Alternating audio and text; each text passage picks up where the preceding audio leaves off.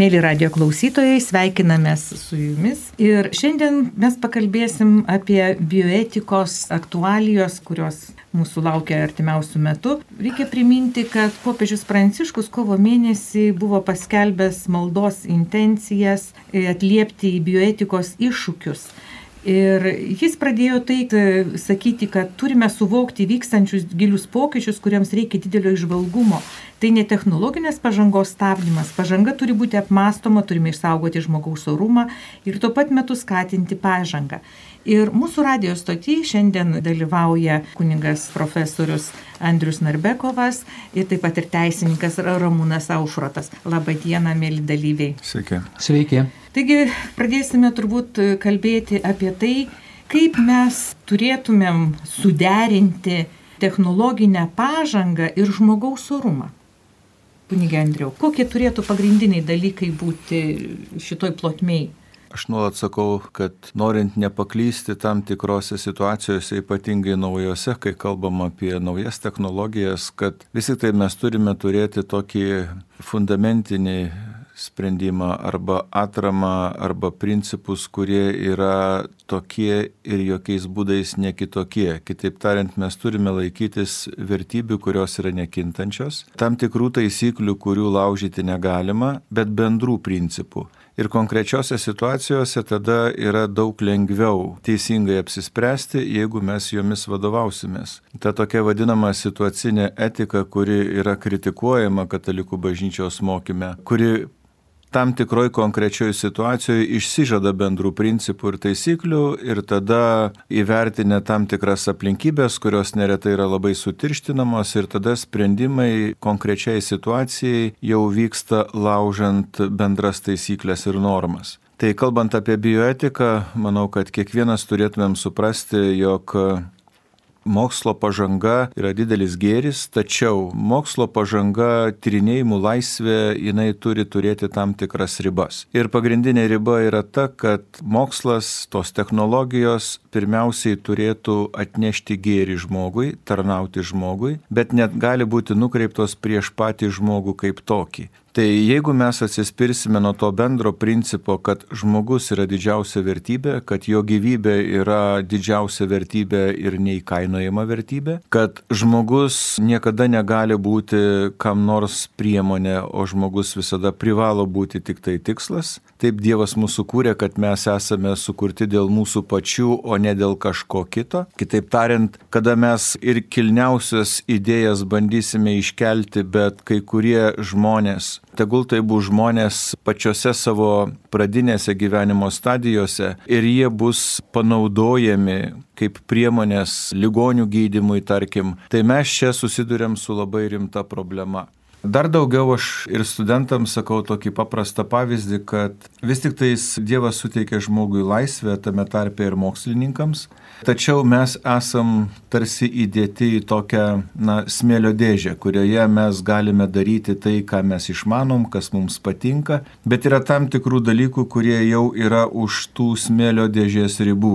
Kitaip tariant, yra tam tikrų dalykų, kur žmogus neturėtų įsiterpti ir jeigu jis bando tą daryti, tai yra nesėkmingi bandymai. Kaip pavyzdį galiu pasakyti, pavyzdžiui, Junktiniai karalystėje ir šiandien yra legalu kurti, bandyti kurti gyvulio ir žmogaus hybridą. Tai yra mokslo interesas, mokslininkų noras, tačiau tokie bandymai akivaizdžiai prieštarauja žmogaus orumui ir kaip žinia, jie nėra sėkmingi. Tai va čia galbūt yra vienas iš tų pavyzdžių, kada mes peržengiam tam tikras ribas, kurių neturėtumėm peržengti. Bioetikoje mes turim vadovautis tuo principu, kad visa tai, kas yra daroma arba kuriama arba tyriama, negali prieštarauti žmogaus gyvybei pačiam žmogui, jo orumui. Na ir čia susidurėm su tom technologijom jau pačios gyvybės atsiradimo pradžioj, dirbtinis apvaisinimas, mes girdėjom, kokie buvo kilnus tikslai tą įstatymą pristatant. Vienok mes matome, kad tie tikslai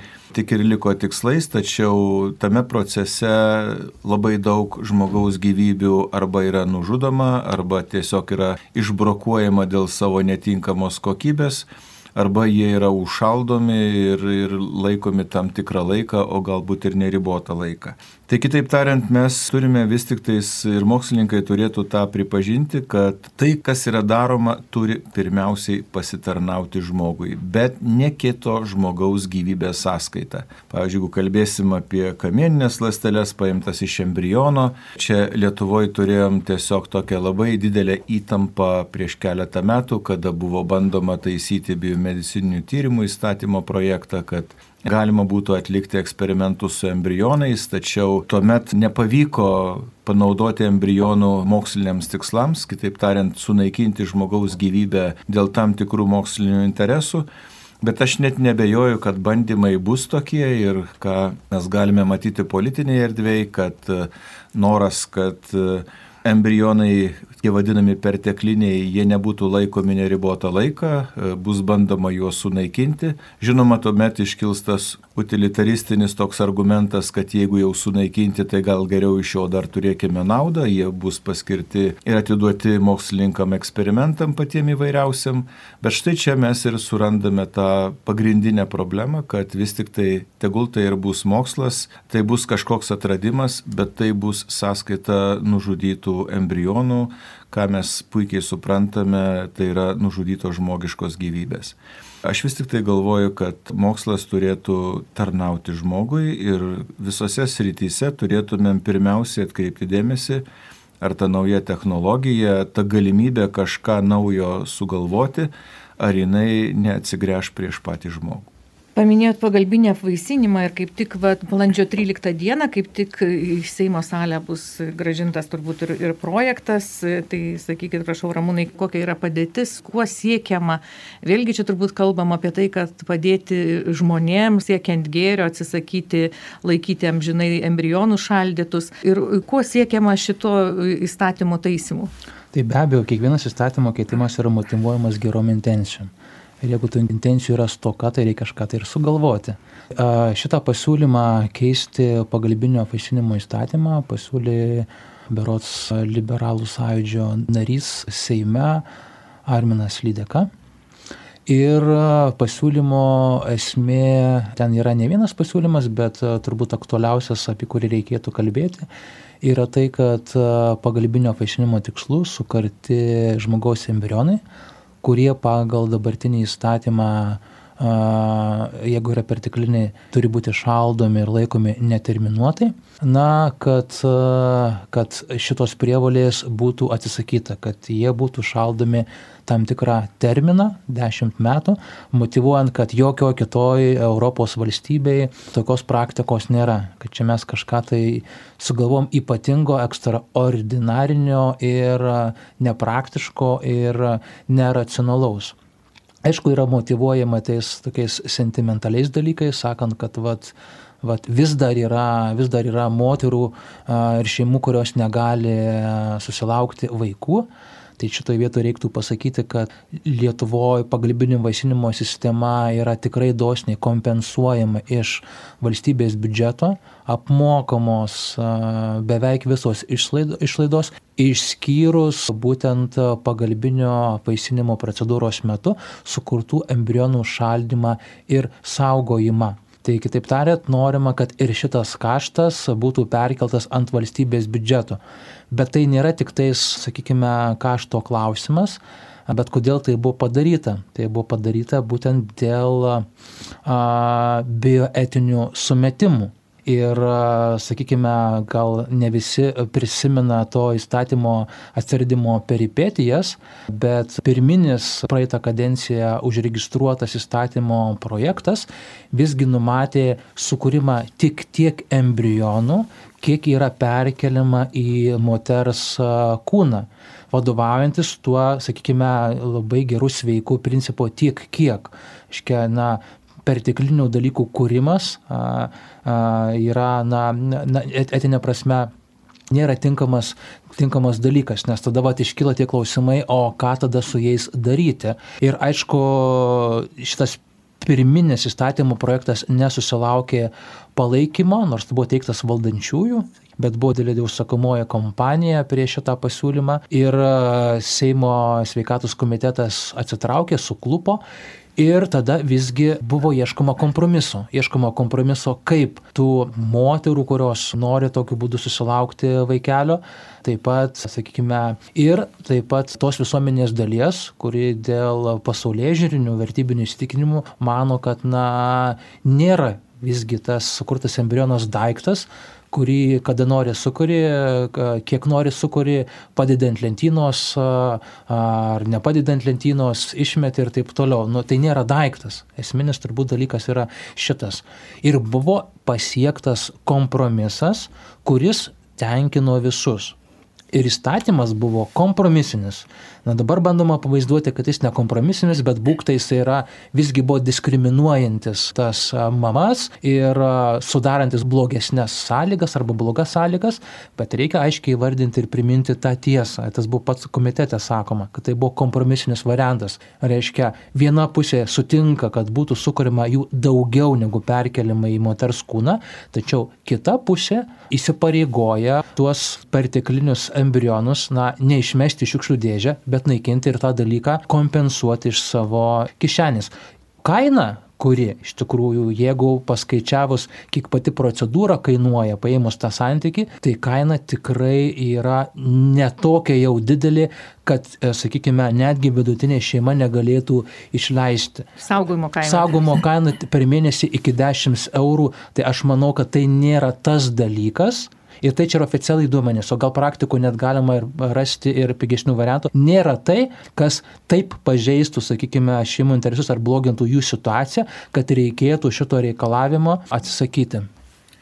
Aišku, šitas paradoksas yra, kad mes lyginam nelyginamus dalykus, iš tikrųjų pinigais matuojam to negimusio vaikelio gyvybę ir kad tai jau skaičiuojam 10 eurų ar kiek tenai būtų, bet mes tikrai čia turime nelyginamų dalykų vertinimą ir kitas dalykas, va, šitoj vietoj man kelia nuostaba toks reikalas, kad buvo kalbama ir šiandieną mokslas jisai juda toliau ir tikrai yra galimybė šaldyti ne embrionus, bet šaldyti kiaušialastes. Be abejo. Ir štai čia atrodytų, kad yra tam tikras prieštaravimas. Jeigu jau mes suteikiam pirmumą mokslui, tai ir laikykime to mokslo, kuris galėtų padėti būtent apriboti tas bioetinės problemas, šiuo atveju saugoti žmonių gyvybės. Tai jeigu būtų šaldomos kiaušialastės, ląstės, mes išspręstumėm perteklinių embrionų klausimą. Jų nebūtų tiesiog perteklinių, būtų sukūriama tiek, kiek galima perkelti į gimdą tuo metu, o likusios kiaušialastės būtų užšaldytos. Bet aš labai gerai prisimenu tuo metu vykusias diskusijas, kada buvo atvirai meluojama,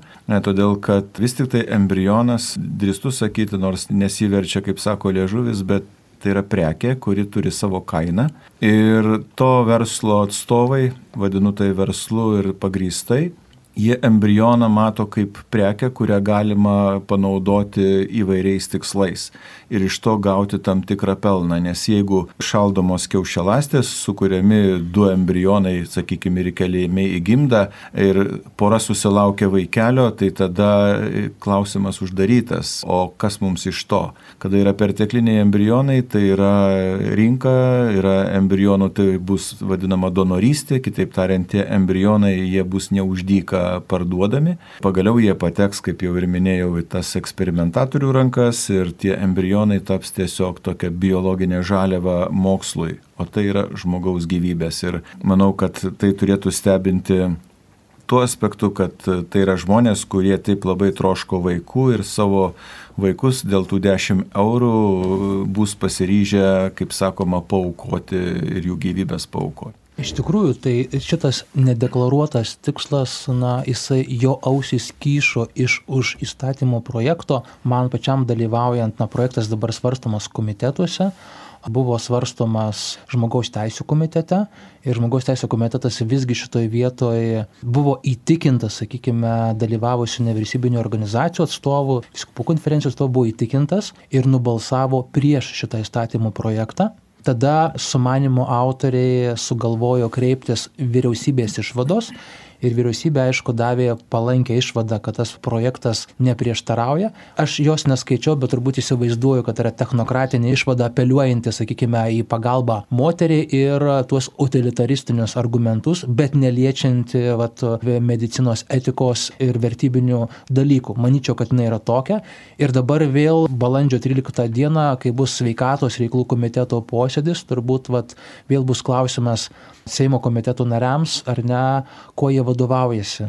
Ar jie vadovaujasi, sakykime, vyriausybė pasakė, kad galimas dalykas, vadinasi, yra galimas ir mums tos išvados kaip ir pakanka. Ar įsiklauso į ekspertų nuomonės, ar įsiklauso į vertybinių šeimų organizacijų nuomonę ir ar nepamiršta to politinio kompromiso, kuris buvo padarytas, kai šitas įstatymas visgi buvo priimtas. Ir tai, kad tos ausys kyšo, matyti jau buvo matyti žmogaus teisų komitete, kur projektų autorius pats nedalyvavo, bet projektą pristatė Seimo nario patarėja, kuri matyt tą projektą ir ruošė, kurios pavardė buvo ta pati, kaip po to kalbėjusios Vilniaus Santariškių gyvybės mokslų centro darbuotojus. Aš nežinau, ar jos giminaitės ar ne, bet man tas dalykas sukėlė tam tikrų klausimų.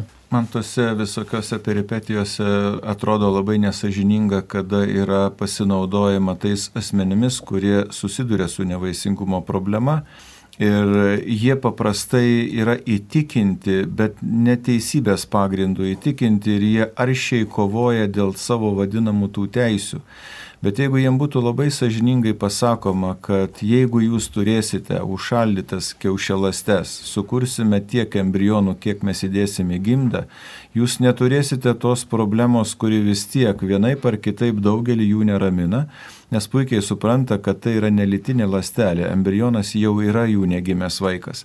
Tai jeigu tėvai suprastų ir atsakingai žiūrėtų į kiekvieną užsimesgusią jų biologinę prasme gyvybę, jų vaiką negimusi, tai tada jie turėtų reikalauti, aš taip įsivaizduoju ir tuose klinikose, kad būtų šaldomos kiaušialastės, bet ne embrionai. Tai šitiem žmonėm kažkokiu būdu kažkas turi atverti akis, kad jie netaptų įkaitai. Dabar jie yra tapę tiesiog įkaitais, jie turi mokėti tą embrionų laikymo tas išlaidas. Tie visi, kurie susižeria pelnus per visas tas procedūras, jie tiesiog patenkinti tuo, ką jie turi. Ir tie žmonės yra dabar vat laikomi ir spaudžiami, kad jie užsinorėtų jog tas procesas baigtųsi ir tie jų embrionai būtų sunaikinti arba kažkur jie patektų, kaip sakoma, į mokslininkų rankas. Iš tikrųjų, tai yra to tinkamo informavimo sveikatos priežiūrai klausimas, kaip ir kalbant ir apie, sakykime, kontracepcinės priemonės, ar ne, tai irgi mes dabar turime tą džiaugsmą, kad sveikatos apsaugos ministras patvirtino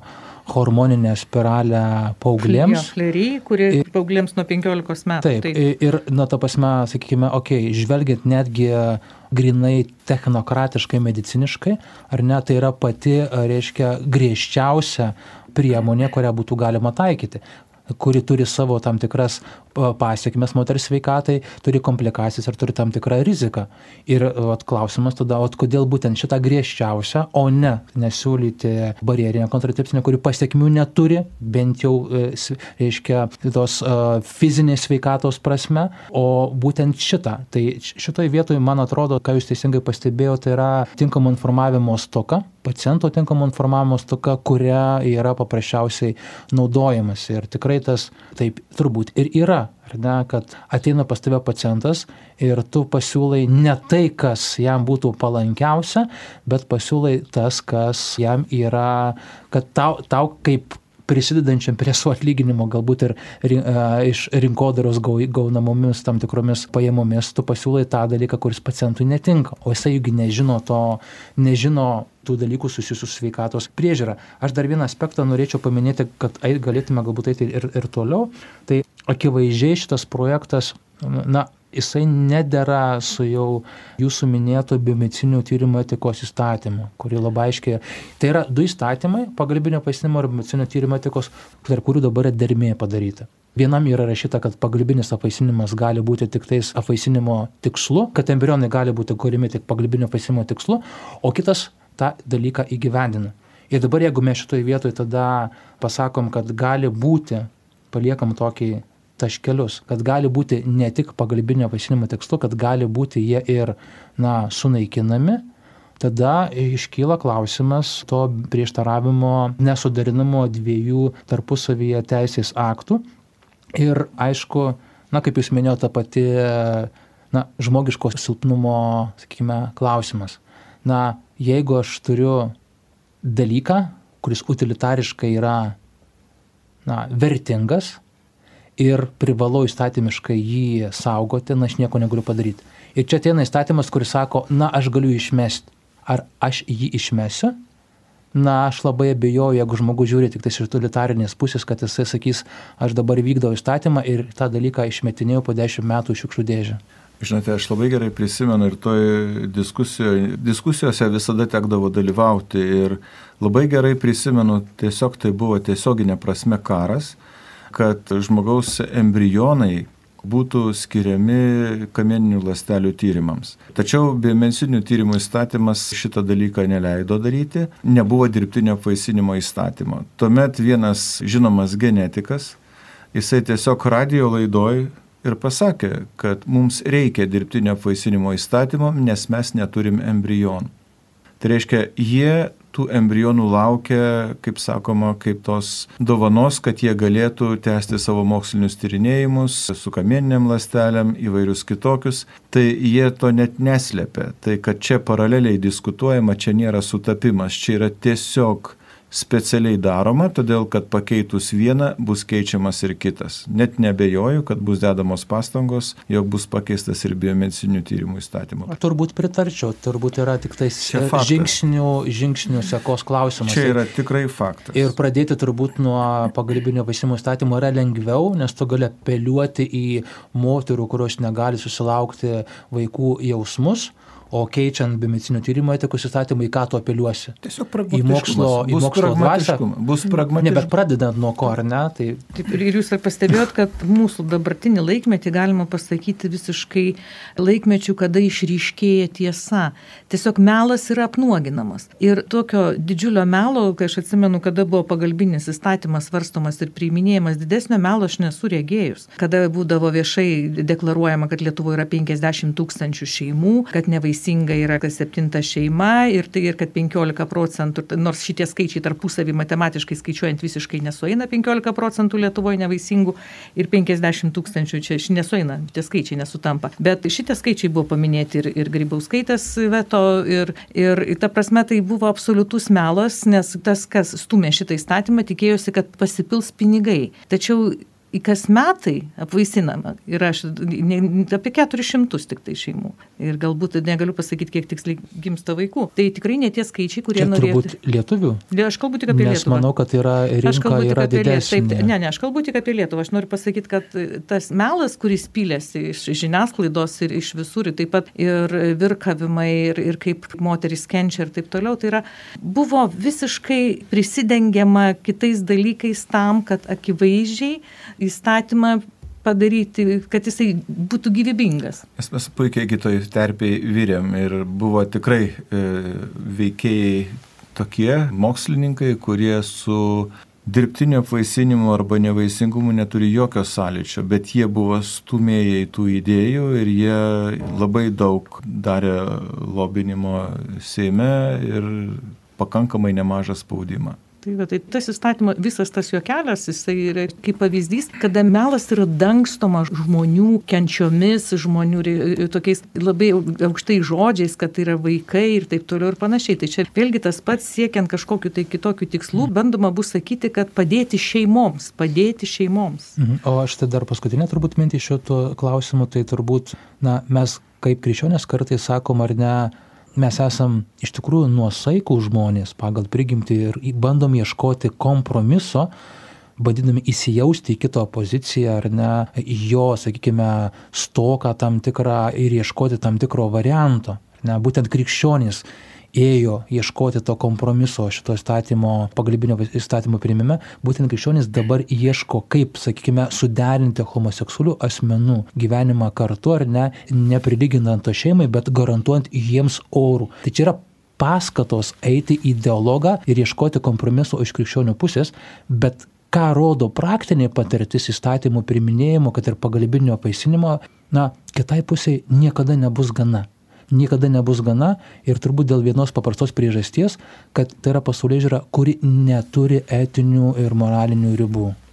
Ką Jūs paminėjote ir šios dienos laidoje vieną Seimo narį, dabar nenoriu kartoti jo pavardės, tai štai ir kalbam apie praktikuojantį kataliką, kuris save pozicionuoja kaip praktikuojančių katalikų, tai reiškia krikščionis, ir teikia tokį projektą. Tai aš manau, kad e, čia yra labai rimtas dalykas, kad jeigu mes išsakom, kaip bažnyčia išsako savo poziciją, tai kad bažnyčia nesikištų ir panašiai, tai bažnyčia kalba pirmiausiai savo bendruomenės nariams. Ir jeigu Seimo nariai, kurie išpažįsta krikščioniškas vertybės, neslepia, kad jie yra katalikai, pažiūrėkime visas valstybinės šventės, kas sėdi prie priekiniuose suoluose ir kaip jie kokias pozicijas palaiko arba už ką jie balsuoja, tai tas prieštaravimas jis tiesiog yra akis badantis ir aš manau, kad žmonės tą mato ir čia yra dar kita melo grupė, kuri iš tiesų yra pati blogiausia, todėl kad žmogus, jeigu jis jau kartą save pozicionuoja kaip tikinčių, tai jis turėtų ir tas vertybės ginti. Mes nekartą susidūrėm su tokia paradoksalia situacija, kur atrodo jau tą klausimą nagrinėjant, nu jau kas kas, bet jau bažnyčios bendruomenė žmonės, tie, kurie lanko bažnyčią, jie turėtų tas krikščioniškas vertybės palaikyti. Tačiau taip ne visada būna. Ir ką mes galėjom dabar tikėtis iš tos valdančiosios daugumos, kuri dabar yra, tai savaime suprantama, kad bus ginamos tos vertybės, nes tam tikros politinės jėgos jos turi tą kaip sakoma, savo identitetą visiškai netokį, kurį dabar vaizduoja. Tai jeigu kalbėtų mes mūsų laidainai pabaigą, bet aš labai norėčiau dar vieną užsiminti, irgi taip pat aktualią ir kuri pas mus labai greitai, aš manau, tap dar labiau, dar labiau aktualiau, todėl kad sveikatos ministerija, kiek yra žinoma, yra rengia naują neštumo nutraukimo tvarkos aprašą. Truputį kitaip, akušerinio ir gynekologinių paslaugų teikimo aprašas. Kitaip, kuriame kalbama bus apie abortą ir koks yra fonas, kad pasaulinė sveikatos organizacija ir taip pat ir pirmą kartą Europos parlamento rezoliucijoje paminėta abortas kaip žmogaus teisė. Taigi iki tol nebuvo kalbama, kad tai yra žmogaus teisė. Va tai yra vėlgi tas melas prisidengiant melu, kad tai yra žmogaus teisė, pati didžiausia, kuris turi nepaprastai didelės pasiekmes ir pasiekmes pirmiausiai moteriai, kalbant apie abortą. Tai va jūs tikrai labiau įsigilinęs iš šitą, armūnai, iš keletą minčių būtinai reikia pasakyti mūsų klausytojams. Turbūt šitoj vietoj, šituo aspektu neštumo nutraukimo mes gyvenam tokiam lūžiniam dabar laikotarpyje.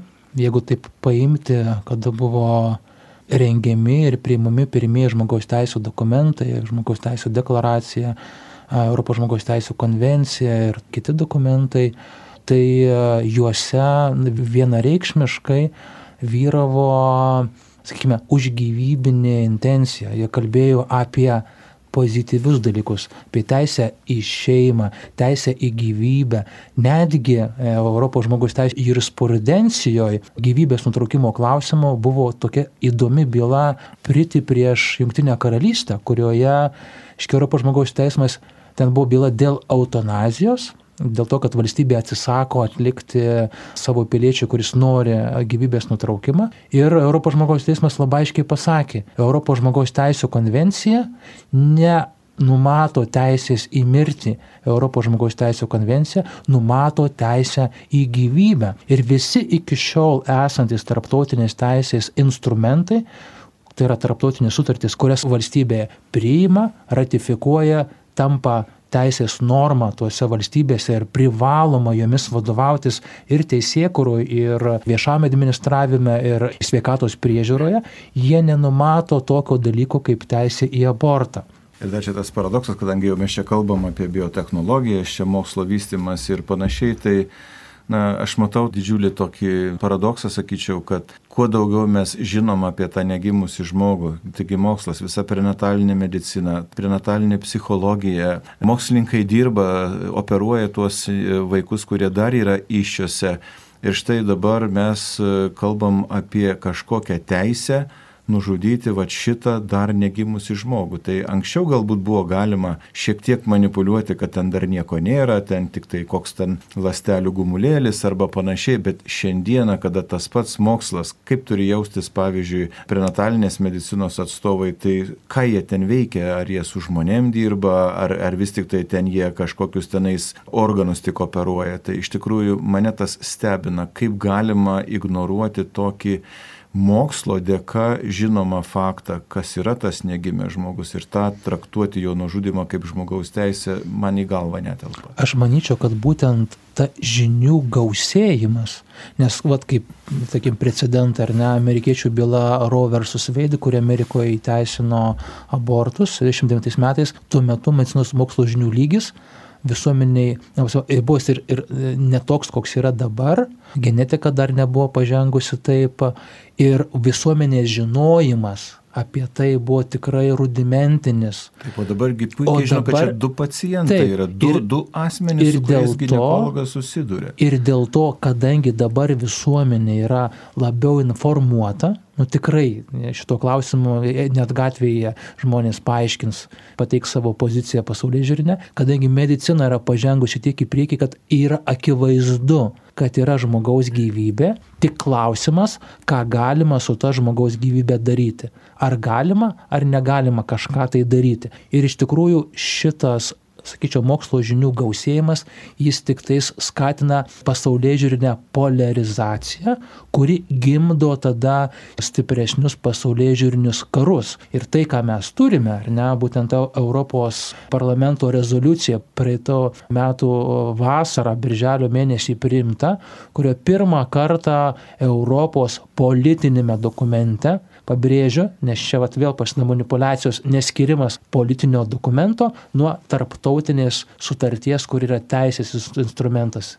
Yra didžiulė praraja. Teisės instrumentas yra privalomas, politinis dokumentas yra neprivalomas. Jis nubrėžia tik tais mano požiūrį, sakykime, politinį požiūrį arba valstybės politinį požiūrį tam tikrus dalykus. Taigi politinėme dokumente, europinėme, Europos lygmenė pirmą kartą buvo įrašyta, kad abortas yra žmogaus teisė. Ir šitas įrašymas, aš įsivaizduoju, yra akivaizdžiai susijęs su intensyvėjusią pasaulyje žiūrinę kovą. Ir kaip atlipas to, turbūt ir praeitą mėnesį pasaulio sveikatos organizacijos, pasaulio sveikatos organizacijos, reiškia medikų, profesionalų, ekspertų klubas ima ir priima lytiškumo gairias, kuriuose rekomenduoja valstybėms nesikrišti ir neapibrėžinėti neštumo nutraukimo tam tikrų trukmės laikotarpių. Kitaip iškoduojant tą žodį, tai reiškia leisti, jeigu moteris nori nutraukti neštumą iki gimdymo dienos. Tai iš tikrųjų man kyla klausimas, pasaulio sveikato organizacija, kuri ekspertai, kurie ekspertinės paslaugas pasaulio bendruomeniai teikia, iš esmės jie daro politinį pasiūlymą ir užsieima politinę veiklą. Tai man atrodo, kad šitas ir neatsitiktinai ir jų šitos saugos aborto, sakykime, gairės, kurias jie priimė, irgi rodo tą suintensyvėjusią kovą. Ir dabar turime šitos du faktus, įvykius, kodėl jie atsiranda Tai vienas dalykas, kaip minėjote, dėl vat, mokslo, žmonės po truputėlį šviečiasi labiau ir belieka tik tais ideologinė pozicija. Arba vienokia arba kitokia, pagal pasaulė žiūrą kalbė, bet taip pat reikia turėti omenyje, kad vyksta tam tikri sėkmingi procesai, remiantis mokslo domenimis ir didėjančio visuomenės palaikymu, kurie kitai pusiai yra nelabai naudingi. Turiu keletą pavyzdžių. Tai vienas pavyzdėlis yra 20 metų, turbūt Europos parlamento rezoliucija yra reakcija taip pat ir į Lenkijos konstitucinio tribunolo sprendimą kuriame nu, pirmą kartą teisė rado dar vieną pagrindą apginti negimusią gyvybę sakydama, kad neštumo nutraukimas dėl vaisiaus neįgalumo jis prieštarauja žmogaus orumai, prieštarauja Lenkijos konstitucijai ir lygiai taip pat jis prieštarauja neįgaliųjų teisų konvencijai, Ir šitas Lenkijos sprendimas, kuris teisiškai yra pagrįstas ir nepriekaištingas, nu, ta prasme, tu negali šito argumento atremti, nu tikrai, motyvas įstatymė buvo įrašytas būtent vaisiaus, na, defektas arba trūkumas. Nu, tai iškart suponuoja eugeninį tą elementą. Ir šita sėkminga Lenkijos patirtis kai kurios valstybės jau žvalgosi ir bando pradėti ją kopijuoti, tokiu būdu ribodami aborto galimybę ir gindami gyvybę. Ir kita pusė yra sunerimusi ir dėl to daromos iniciatyvos. Kitas sėkmingas turbūt precedentas yra Junktinės Amerikos valstijos, kur irgi neatsirado nebe mokslo pažangos ir žinių. Heartbeat law širdies plakimo įstatymas, kuris e, dabar nepasakysiu keliose valstijose, bet e, yra priimtas ir jisai veikia ir jis saugo visuomenę nuo, nuo nemažo kiekio abortų saugia visuomenę nuo nukraujavimo ir netgi federaliniu lygmeniu kelios valstijos jau yra laimėję teismus, kad toks neštumo nutraukimo kriterijus, kurio anksčiau Amerikoje nebuvo, nes anksčiau buvo, sakykime, buvo keli variantai. Buvo tas nuo gyvybės pradėjimo, kuris praktikoje nebuvo taikytas, tada implantacijos teisinis kriterijus, kada negalima neištumą nutraukti. Ir taip pat buvo tas išgyvenamumo kriterijus, reiškia vaisius 500 gramų, vadinasi, gali išgyventi, jau tada negalima nutraukti. Kito kriterijus nebuvo ir vats teisė ir mokslas teisė padovanoja naują kriterijų - heartbeat law, kuri labai stipriai riboja galimybę neštumo. Reikėtų, reikėtų paaiškinti, paaiškinti klausytojams, ką tas reiškia. Tai yra širdies plakimas, tai jau, jeigu mes mediciniškai žiūrėsim, trys savaitės ir turim situaciją. Žodžiu, kad kai pradeda plakti širdelė embriono, jo negalima. kad jis jau yra žmogus. Taip ir negalima. Labai nutraukti. paprastas argumentas, labai šiaip akivaizdus, bet užtruko, sakykime, reiškia visuomenė susivokti, kad tai yra indikatorius ir labai stiprus indikatorius, kad mes turime ne moters kūno dalį, bet unikalią gyvybę. Aišku, norisi, kad būtų ir platesnė žmogaus gyvybės suvoktis, apimant ir genetinius, ir genetinius dalykus. Nors, žinote, čia mes turėjom tokią medžiagą, kada abortų klinikose, kur kreipiasi moteris įvairiaus neštumo ten tas laikotarpis ir ten būdavo daromas toks eksperimentas, kada duodavo paklausyti motinai širdies dūžių vaiko. Ir vėliau tą eksperimentą nutraukė, bet motyvas buvo labai keistas, kad taip psichologiškai traumuoja moteris. Kitaip tariant, abortų klinikų biznis krizdavo, todėl kad moteris išgirdusi vaiko širdies dūžius neretai pakildavo nuo stalo, kitaip tariant, ir atsisakydavo abortų. Jinai gaudavo informaciją, kurios jinai negaudavo anksčiau. Ir dar vieną turbūt faktorių reikia pridėti, kad visgi Junktinių Amerikos valstybių aukščiausiai teismą pasiekė precedentinė byla, kuri pagal dabartinę Amerikos valstybių teismo sudėtį gali stipriai susiaurinti tas pasiekmes, kurias padarė 69 metais Rose versus Wade byla. Apriboti turbūt va, iki tų trijų savaičių laikotarpio ir aišku, abortų industrija šitoje vietoje, na, jinai yra persigandus. Tai neatsitiknai mes turime Europos rezoliuciją ir neatsitiknai turime PSO organizacijos saugaus aborto gairės ir politinį reikalavimą valstybėms nesikišti į ir nenustatinėti trukmės. Taigi, mėly klausytojai, temos yra dar neišsemtos ir turbūt grįšim ne vieną kartą prie šitos temos, tačiau mūsų laida eina į pabaigą ir aš noriu priminti, kad mūsų laidoje dalyvavo Vytauto didžiojo universiteto profesorius kunigas Andrius Narbekovas ir Rengimo šeimai asociacijos prezidentas, teisininkas Ramūnas Aušrotas. Ir laidą vedžiau Birutė Obelianinė. Taigi sudie. Sudie. sudie.